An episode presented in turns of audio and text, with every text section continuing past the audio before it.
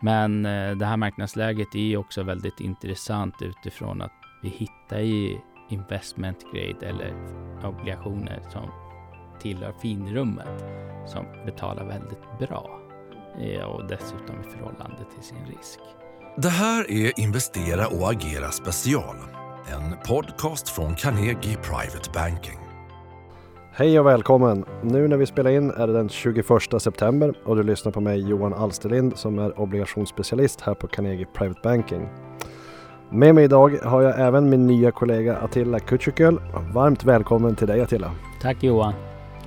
Attila är ju anställd här för att just möta den ökade efterfrågan och det högre intresset som vi ser kring obligationsaffären på Carnegie Private Banking och eh, Idag tänkte jag att vi, jag och Attila, ska lyfta blicken och eh, besvara vanliga investerarfrågor kring obligationer då det är många investerare tack vare eller på grund av det osäkra börsklimatet som tittar på andra tillgångslag än aktier i sin portfölj. Men innan frågorna så kommer här en, en kort marknadsuppdatering. Det har ju hänt mycket sedan, sedan vi var med senast. Ehm, och vi tänkte då sammanfatta kring räntor, inflation och centralbanker. Ehm, man kan väl nämna marknaden också kanske under sommaren så, så hade vi ju en väldigt turbulent juni månad när fastighetssektorn hamnade i rampljuset och, och eh, verkligen eh, var eh, skakiga nivåer på, på många av, av fastighetsobligationerna som vi såg. Bankerna var inte särskilt villiga heller att, att ta in mycket på egna böcker utan det blev väldigt mycket turbulens och ehm, Ehm, börsfall hjälpte ju till med det också då helt enkelt. Då. Ehm, sen under juli månad så kom ju börsen tillbaka starkt och eh, augusti så har det varit lite mer ehm, stillastående. September har ju sen då i sin tur bjudit på mer turbulens igen eh, och nu centralbankerna då som kommer och höjer aggressivt där vi såg Riksbanken som höjde 1 igår. Um, det var relativt oväntat. Man trodde väl kanske på 75 punkter eller 0,75 procents höjning eh, överlag. Men, eh, men det blev 1 procent och de är ju pressade från två olika håll där att eh, dels pressa ner inflationen men samtidigt så inte eh, höja för snabbt för att man då får en eh, vikande konjunktur samtidigt där, där det sätter press på både bostadspriser och på hushållens ekonomi med mera. Då. Um, inflationen så har vi sett fortsatt höga nivåer där augustisiffrorna kom in på 9 här i Sverige och över 8% i USA. Uh, ehm, vi har ju sett över 10 också på vissa delar i, inom EU. Då.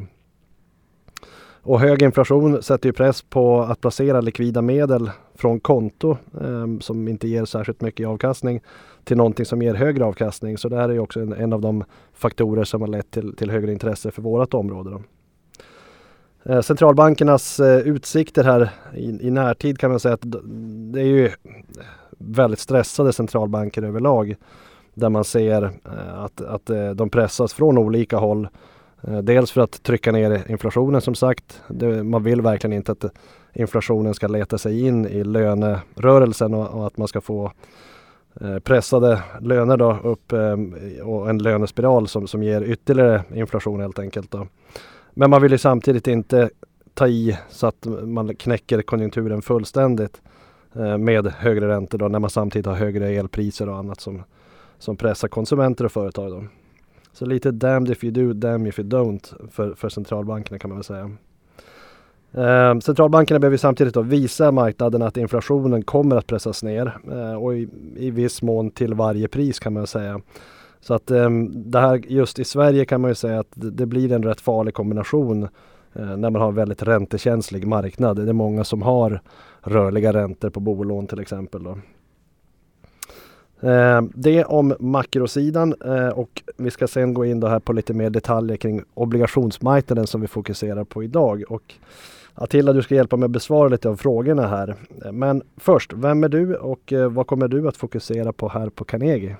Vem är Attila? Ja, i stora penseldrag. Tvåbarnsfar, snart 50 år och jobbat eh, lite mer än 20 år i marknaden.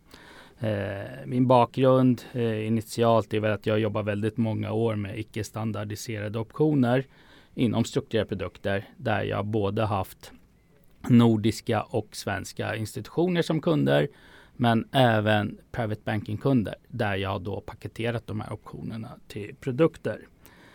Ja, räntor. Eh, det är en väldigt naturlig del av eh, när man jobbar med produktifiera eh, eh, eh icke standardiserade op optioner. Och eh, jag började jobba mer renodlat med kreditmarknaden eh, 2009. Det är när eh, bland annat det blev väldigt intressant att handla emerging market bonds som vi kunde paketera i svenska kronor och då eh, hjälpa våra kunder att diversifiera sina eh, exponeringar i, på svenska eh, räntesidan. Eh, jag har haft förmånen att eh, jobba eh, med en eh, man från Piteå i fem år eh, hos min tidigare arbetsgivare. Och den mannen sitter ju nu framför mig och intervjuar. Så att våra vägar har korsats igen och det tycker jag är otroligt spännande. Och Sen älskar jag att jobba med dig Johan, det vet du. Eh, så eh, gällande uppdraget, eh, det, blir ju inte mer annorlunda än vad du har liksom byggt upp här på Carnegie så fint. Och vi fortsätter ju växa. För mig blir det ju väldigt spännande att eh, ta del av den tillväxten och vara med på den här fina resan som Carnegie gör.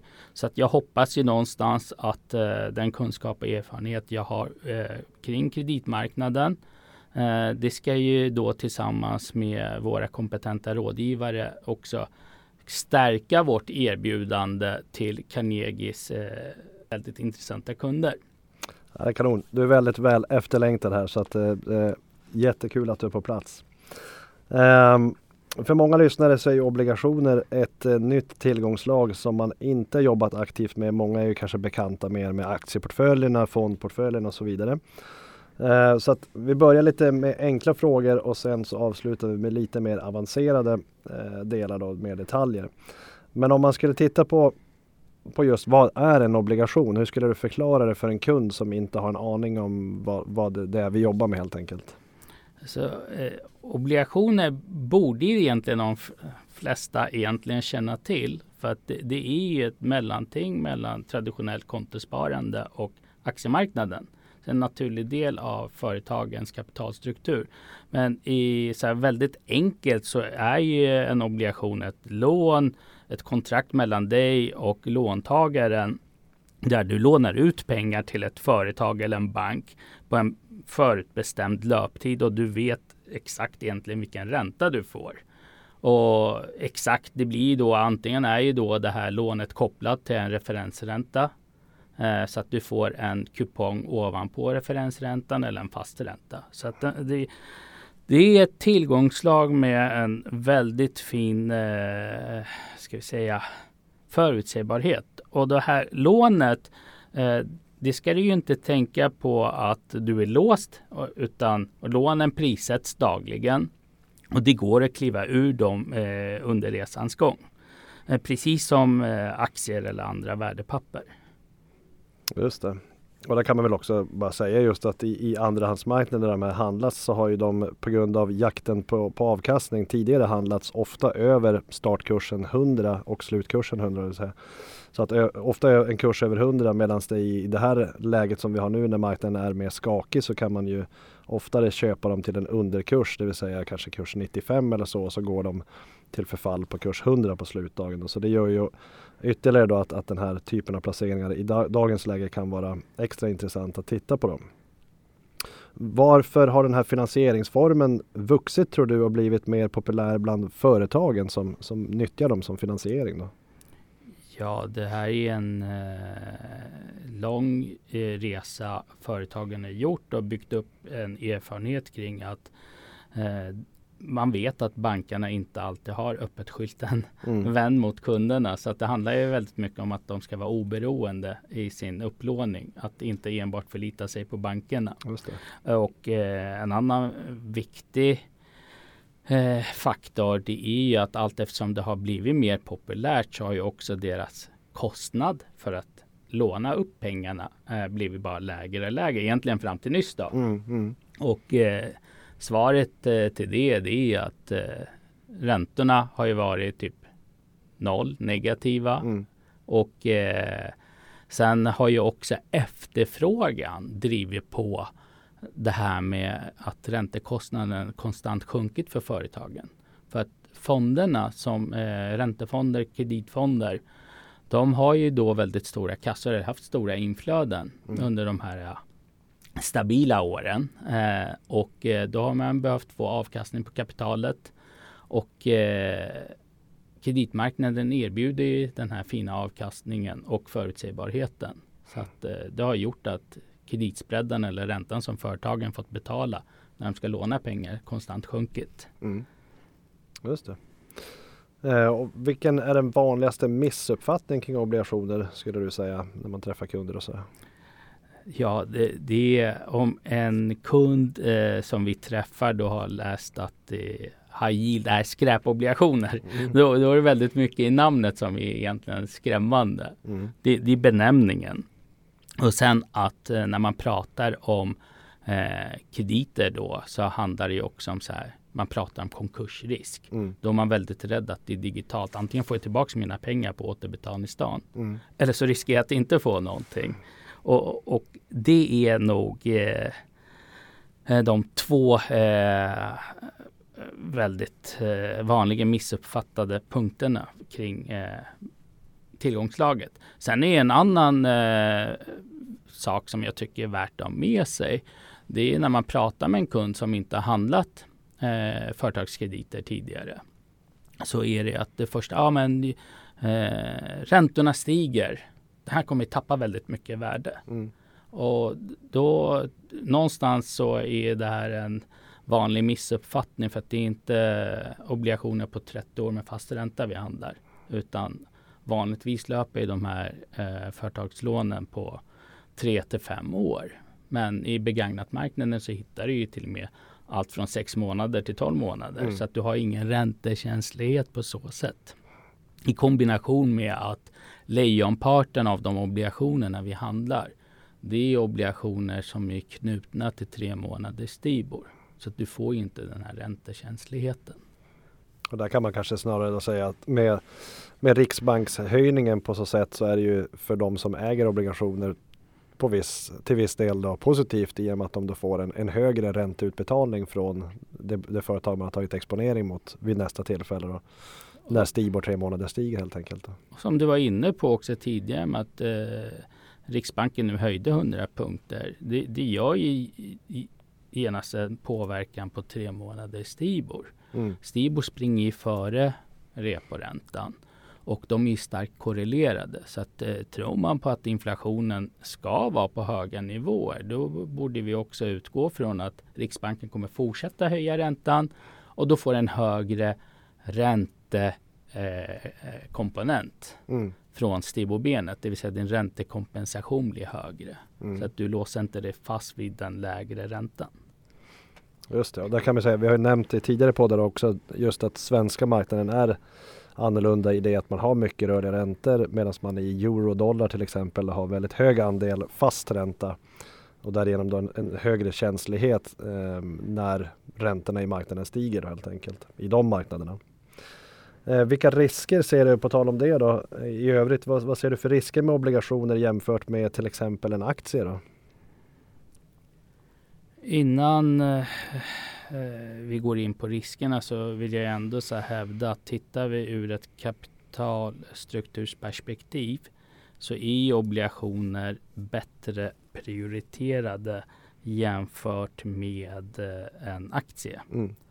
Men sen handlar det ju väldigt mycket om sannolikheten till att eh, det här bolaget eh, eller institutionen ska gå omkull. Men eh, det, det, finns ju självklart risker som man bör vara medveten om eh, i, i en obligationslån. Och där kan vi bland annat lyfta fram att även om obligationerna har bestämda löptider att eh, den ska förfalla, säg juni 2023, ett eh, exakt datum så kan det ju vara så att om ett bolag hamnar i finansiella svårigheter så kan man i ett tidigt skede börja prata med obligationsägarna om att få en eh, dispens på att förlänga löptiden på obligationen. Så att den kan bli längre än den tilltänkta löptiden. Mm. Men eh, då brukar man också vara kompenserad för det. Mm. Antingen i form av en så högre återbetalningskurs på förfallodagen mm. eller högre kuponger. Mm. En annan risk eh, eh, som kan materialiseras det är ju då att obligationen kan skrivas ner innan eh, förfallodagen. Mm. Och det, det, har återigen att göra med liksom att eh, det, det kommer att vara en diskussion mellan de större obligationsinvesterarna och företaget. Men eh, det kanske måste till. Vi såg i SAS Mm. SAS skrev ner sina eh, obligationer eller ville skriva ner värdet på dem först. Men sen blev man konverterad till aktier. Och det där är ytterligare en tredje eh, riskfaktor som man bör vara medveten om. Att eh, man kan få hela eller delar av sitt obligationslån konverterat till aktier. Mm. Men det vi inte får glömma, det här är ingenting som eh, bolaget kan ju bara bestämma på egen hand. Utan det är, måste ske en överenskommelse. Och då brukar det vara ett majoritetsbeslut. Mm. Där man förväntar sig att antingen, eh, det är olika från eh, eh obligationsfall till obligationsfall. Men det kan vara så att vissa fall är att man kräver 50 procents eh, röstning. Mm. Och sen ibland är det 75 procent som måste rösta för eller emot. Mm. Så att det, det, det styr väldigt mycket. Och det här kanske är någonting som vi kommer få se mer av om det är så att konjunkturen viker och räntorna fortsätter upp och så vidare. Ja, den sannolikheten får vi inte utesluta. Eh, eh, jag tror att vi har ju hittills sett väldigt få konkurser i obligationsmarknaden. Mm. det är för att alternativkostnaden har varit låg så att många investerare har gått med på att liksom förlänga löptiderna. Mm. Och eh, det där är någonting som jag tror vi kan börja se i, i synnerhet inom fastighetssektorn där som har varit och är väldigt aktiva eh, i obligationsmarknaden för finansiering. Samtidigt så har vi väldigt stora förfall nu år 2024 och då är ju frågan hur mycket kan bankerna låna ut till de här fastighetsbolagen? Vilka kommer tvingas och eh, fortsätta låna obligationsmarknaden till en väsentligt högre eh, kostnad sannolikt? Och eh, samtidigt som man skiljer agnarna från vetet eh, så är det ju också att eh, man får inte glömma att eh, det finns en hel del fastighetsbolag som har väldigt starka ägare och starka kassaflöden. Mm. I, I, synnerhet när vi pratar ur ett inflationsperspektiv så är det eh, KPI-indexerade hyror. Sen tror jag inte personligen att man kommer kunna lyckas och höja eh, hyrorna med 9% men eh, däremot så finns det ju goda förutsättningar för att höja hyran. Mm.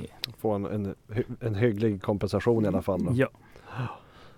Ja men det är helt rätt. Um, och det man kan säga också att om man vill skydda sig mot den här typen av förlängningsrisker eller att man skulle bli nedskriven eller andra typer av problem så är det ju eh, finns det ju en, en, ganska enkel lösning och det är väl att man tar lägre risk helt enkelt från början och håller sig till större bolag med bättre kreditbetyg. Ehm, då, då är ju sannolikheten väsentligt mycket lägre att man ska hamna i de här problemen. Man såg ju under coronakrisen till exempel att eh, då, då fick vi den här typen av förlängningsförfrågningar relativt eh, eh, brett inom hög, högre eh, riskområdena så att säga. Men, men bland större bolag så har de ju ofta mer alternativ att ta till eh, och de har väldigt mycket mer att förlora på att gå till obligationsägarna och be om, om en förlängning till exempel för att eh, de då försämrar sin kreditvärdighet för framtida finansiering. Ja, och sen eh, måste vi också eh, uppmärksamma kunden att när man investerar i, eh, direkt i enskilda obligationer och eh, jämför med aktier. Du kan ju i princip göra avslut på en aktie. Mm. Medan eh, för att kunna handla en obligation så krävs det väsentligt större kapitalinsats. Eh, i, i och med att dokumentationen är utformad så att man, en lägsta post på en obligation är mellan 1,25 miljoner och 2 miljoner kronor. Mm. Och då kommer vi eh, naturligt till att direktinvesterade obligationer är ju främst för kapitalstarka individer eller institutioner. Mm. Annars har vi väldigt fina fonder vi kan erbjuda också för att uppnå diversifieringen. Mm, just det. Vilken avkastning kan man förvänta sig om man tittar på lite olika typer av obligationer och ränteplaceringar idag skulle du säga? Det här är en jätteintressant fråga och eh, givetvis så blir svaret eh, beroende på när i tid man eh, frågar vad det är för avkastning man kan få. Men tittar vi så här, ja, inte allt för många månader tillbaka. Det var inte länge sedan eh, vi fick eh, låg till och med negativ avkastning på eh, säkra namn för att liksom låna ut pengarna. Nu är läget en helt annan. Och det var lite som du var inne på. Liksom, kvalitet, du får ju bättre kvalitet idag för samma typ av avkastning som du fick eller behövde egentligen ta fastighetsrisk för på tre år. Mm. Idag kan ju du få eh, 4 på eh, investment grade. Medan du, du var ju tvungen att ta ett eh, fastighetsbolag med kanske bestånd på under 5 miljarder för att få motsvarande 4% på tre år tidigare. Men eh, som sagt, eh, det är väldigt intressant läge och öka sin exponering mot företagskrediter om man gör det på rätt sätt. Eh, sen är eh, en av flera frågeställningar just för liksom, hur ska man öka exponeringen?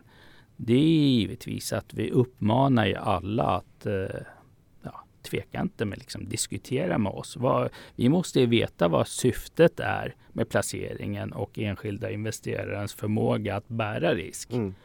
Och eventuellt likviditetsbehov under resans gång. Och det här är för att eh, vi måste förstå våra kunder för att de ska förstå varför vi visar eh, en uppsättning av obligationer för dem. Eh, och eh, ja, vad är det för avkastning man kan förvänta sig? Det har ju också att göra med, vill du ha en eh, kontolik risk? Ja, då har du ju certifikaten. Mm. Och de, ja, efter Riksbanken nu också betalar väldigt på tre månader så kan du få 2,5 procent mm. på väldigt fina bolag. Mm. Och eh, börjar du ta en eh, löptid på tre år eh, så kan du komma en bit över 3% också på god kvalitet. Mm. Men eh, det absolut intressanta med obligationer som ett tillgångslag det, eh, det är också att du kan använda som komplement eller alternativ till räntor.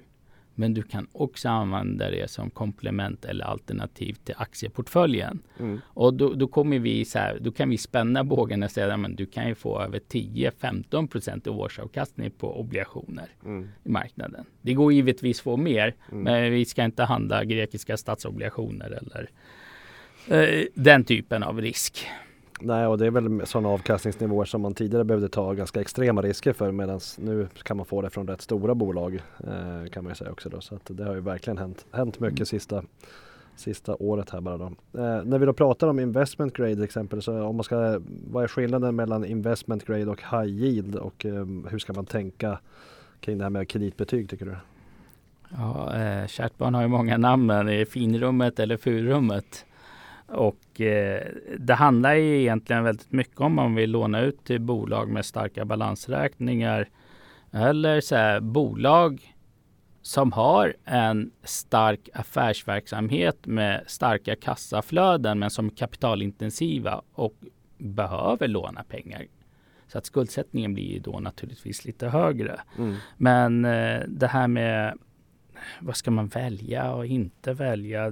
Det är flera faktorer som påverkar och vi tycker inte att det ena behöver utesluta det andra.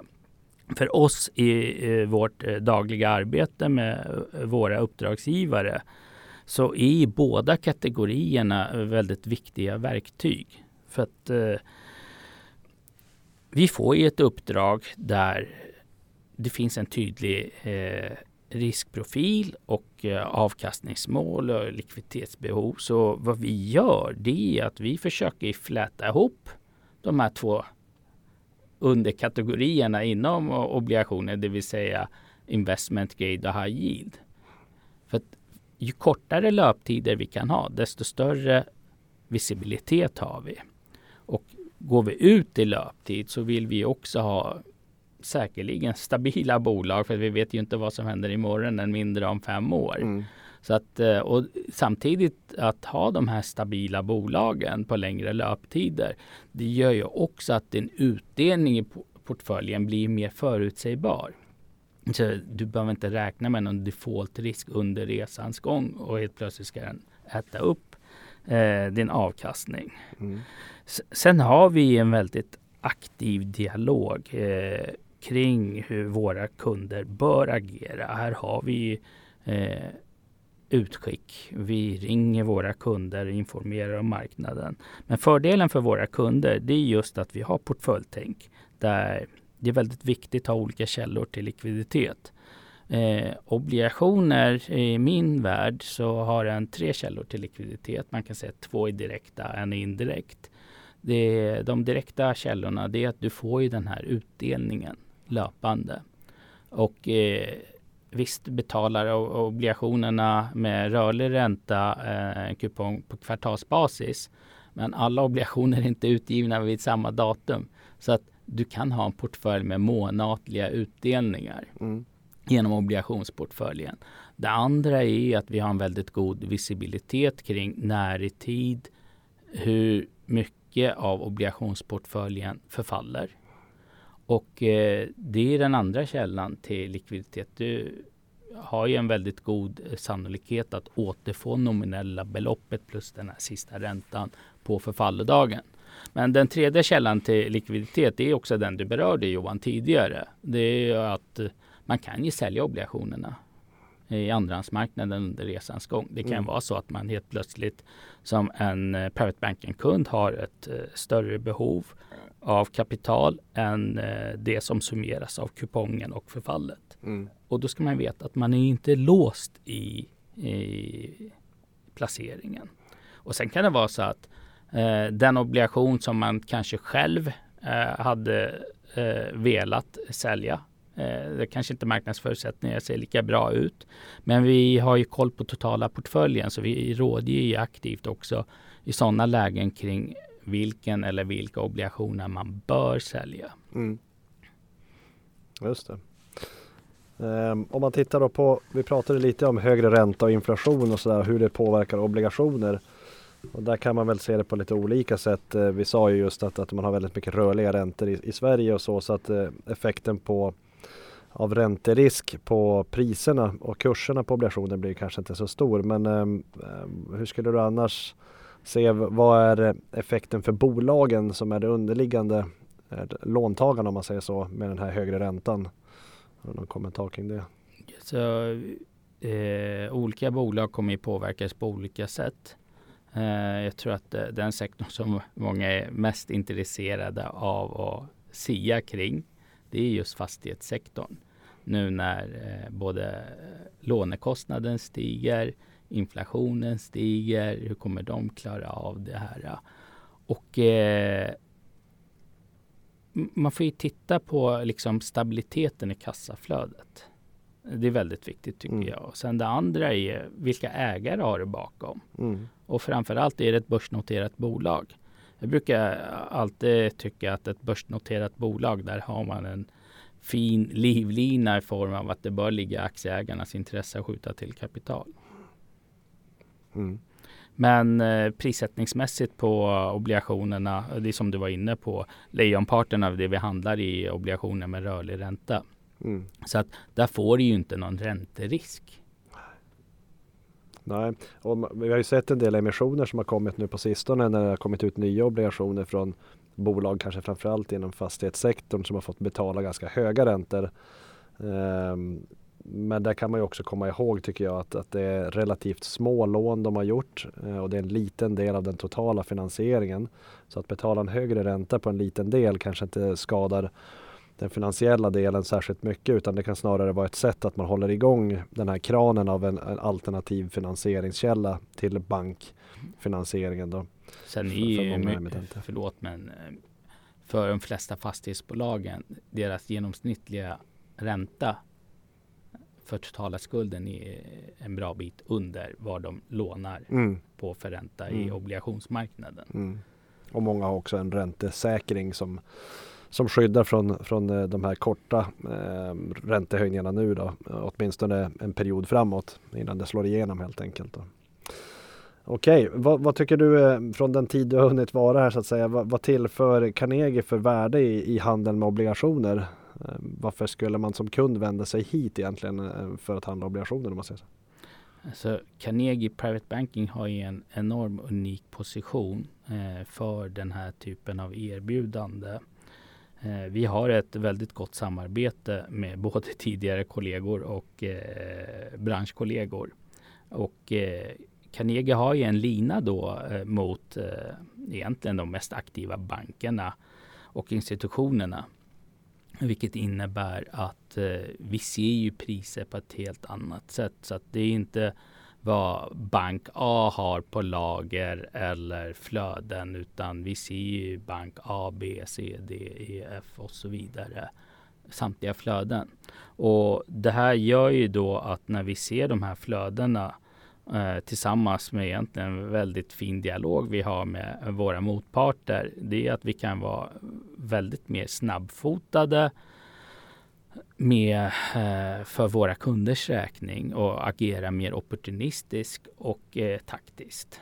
I, I synnerhet en sån här marknad för att det, man ser ju en del fonder som fortfarande har utflöden. Mm. Och eh, då kan vi också snabbt avgöra om det passar kund A, B, C och lyfta på luren och tjena, den här finns nu. Mm. Just det. Nej, och det, jag tror att det, det, det, man också kan se i den här marknaden nu är när det är mer volatilitet och mer stök egentligen i allmänhet så, så känner man väl att eh, värdet av att man kan vända sig till många motparter är ju ännu eh, högre i och med att kurserna kan variera så mycket från bank A, B, C då, så att säga. Så att eh, våra, våra kunder kan ju få ta del av betydligt mer eh, konkurrensmässig prissättning. Då egentligen. Ja, och det är jättebra att du säger det för att en, en av de viktigaste punkten, punkterna som gör oss attraktiva som motpart det är att vi har en väldigt konkurrenskraftig och transparent prissättning. Eh, en, en sista fråga tänker jag bara på um, vilka sektorer i den här miljön om man tänker sig att det finns en, en påtaglig recessionsrisk Um, och ekonomin viker överlag, räntorna stiger och så vidare. Vilka sektorer skulle du säga att vi föredrar och vad, vad bör man vara kanske mer försiktig till i det här läget? Ja, fastighetssektorn, om vi börjar om en ordning så är väl fastighetssektorn. Ehm, men det finns ju flera fastighetsbolag som förtjänar att vara utanför frysboxen. Mm. Ehm, men eh, vi gillar ju efterställda obligationer, det vill säga eh, på marknadsjargong, COCOS eller AT1 eh, från eh, vissa eh, låntagare. Mm. Men det här marknadsläget är också väldigt intressant utifrån att som vi nämnde inledningsvis. Vi hittar ju investment grade eller obligationer som tillhör finrummet som betalar väldigt bra. Mm. och dessutom i förhållande till sin risk. Mm. Så det tycker vi definitivt att man ska eh, ta sig en funderare kring. Ja, men det, det, är spännande tider får man ju säga och eh, man kan väl i allmänhet se bara liksom att allt som man eh, investerade i för ett år sedan har ju förändrats helt och hållet i avkastningsväg med basränta som har gått från Stibor då, tre månader minus 0,10 vid årsskiftet till 1,8 mm. procent igår och eh, Sen kreditspreadarna, den kompensation man får från, från bolagen är ju också då väsentligt högre, i vissa fall två, tre gånger högre. Så att det, det finns betydligt mycket mer avkastning att hämta i alla fall kan man ju säga. Eh, det som är lite spännande, precis som du säger också med fastighetssektorn, där tänker jag att eh, det är ju alltid, eh, tycker jag, spännande när man ser vissa sektorer som, som har varit favoriserade men som kommer under press. Då börjar man titta mer i detaljerna och ja, men lite devils in the detail. Att, att um, hur, hur, ska kunderna klara av högre hyror och uh, ränt, hur är räntekänsligheten och så vidare. Så börjar man titta mer på detaljerna in, inom de olika delarna av sektorerna helt enkelt. Och det brukar ju ofta bli så när det väl kommer till en kris. Så att uh, det har ju någonting gott med sig också på det sättet. Då kommer alla alltid att kunna låna i obligationsmarknaden. Mm. Mm. Ja, det kommer vara en spännande vinter tror jag. Um, stort tack för att ni har lyssnat. ta gärna kontakt med din rådgivare om du vill komma i kontakt med mig eller Attila för att diskutera din eh, strategi för en ränteportfölj. Och eh, tack för att du var med idag Attila. Tack snälla. Ha en fortsatt fin dag. Du vet väl att den här podden finns på både Spotify och iTunes? Om du tyckte det här avsnittet var bra får du gärna ge oss ett betyg eller rekommendera podden vidare.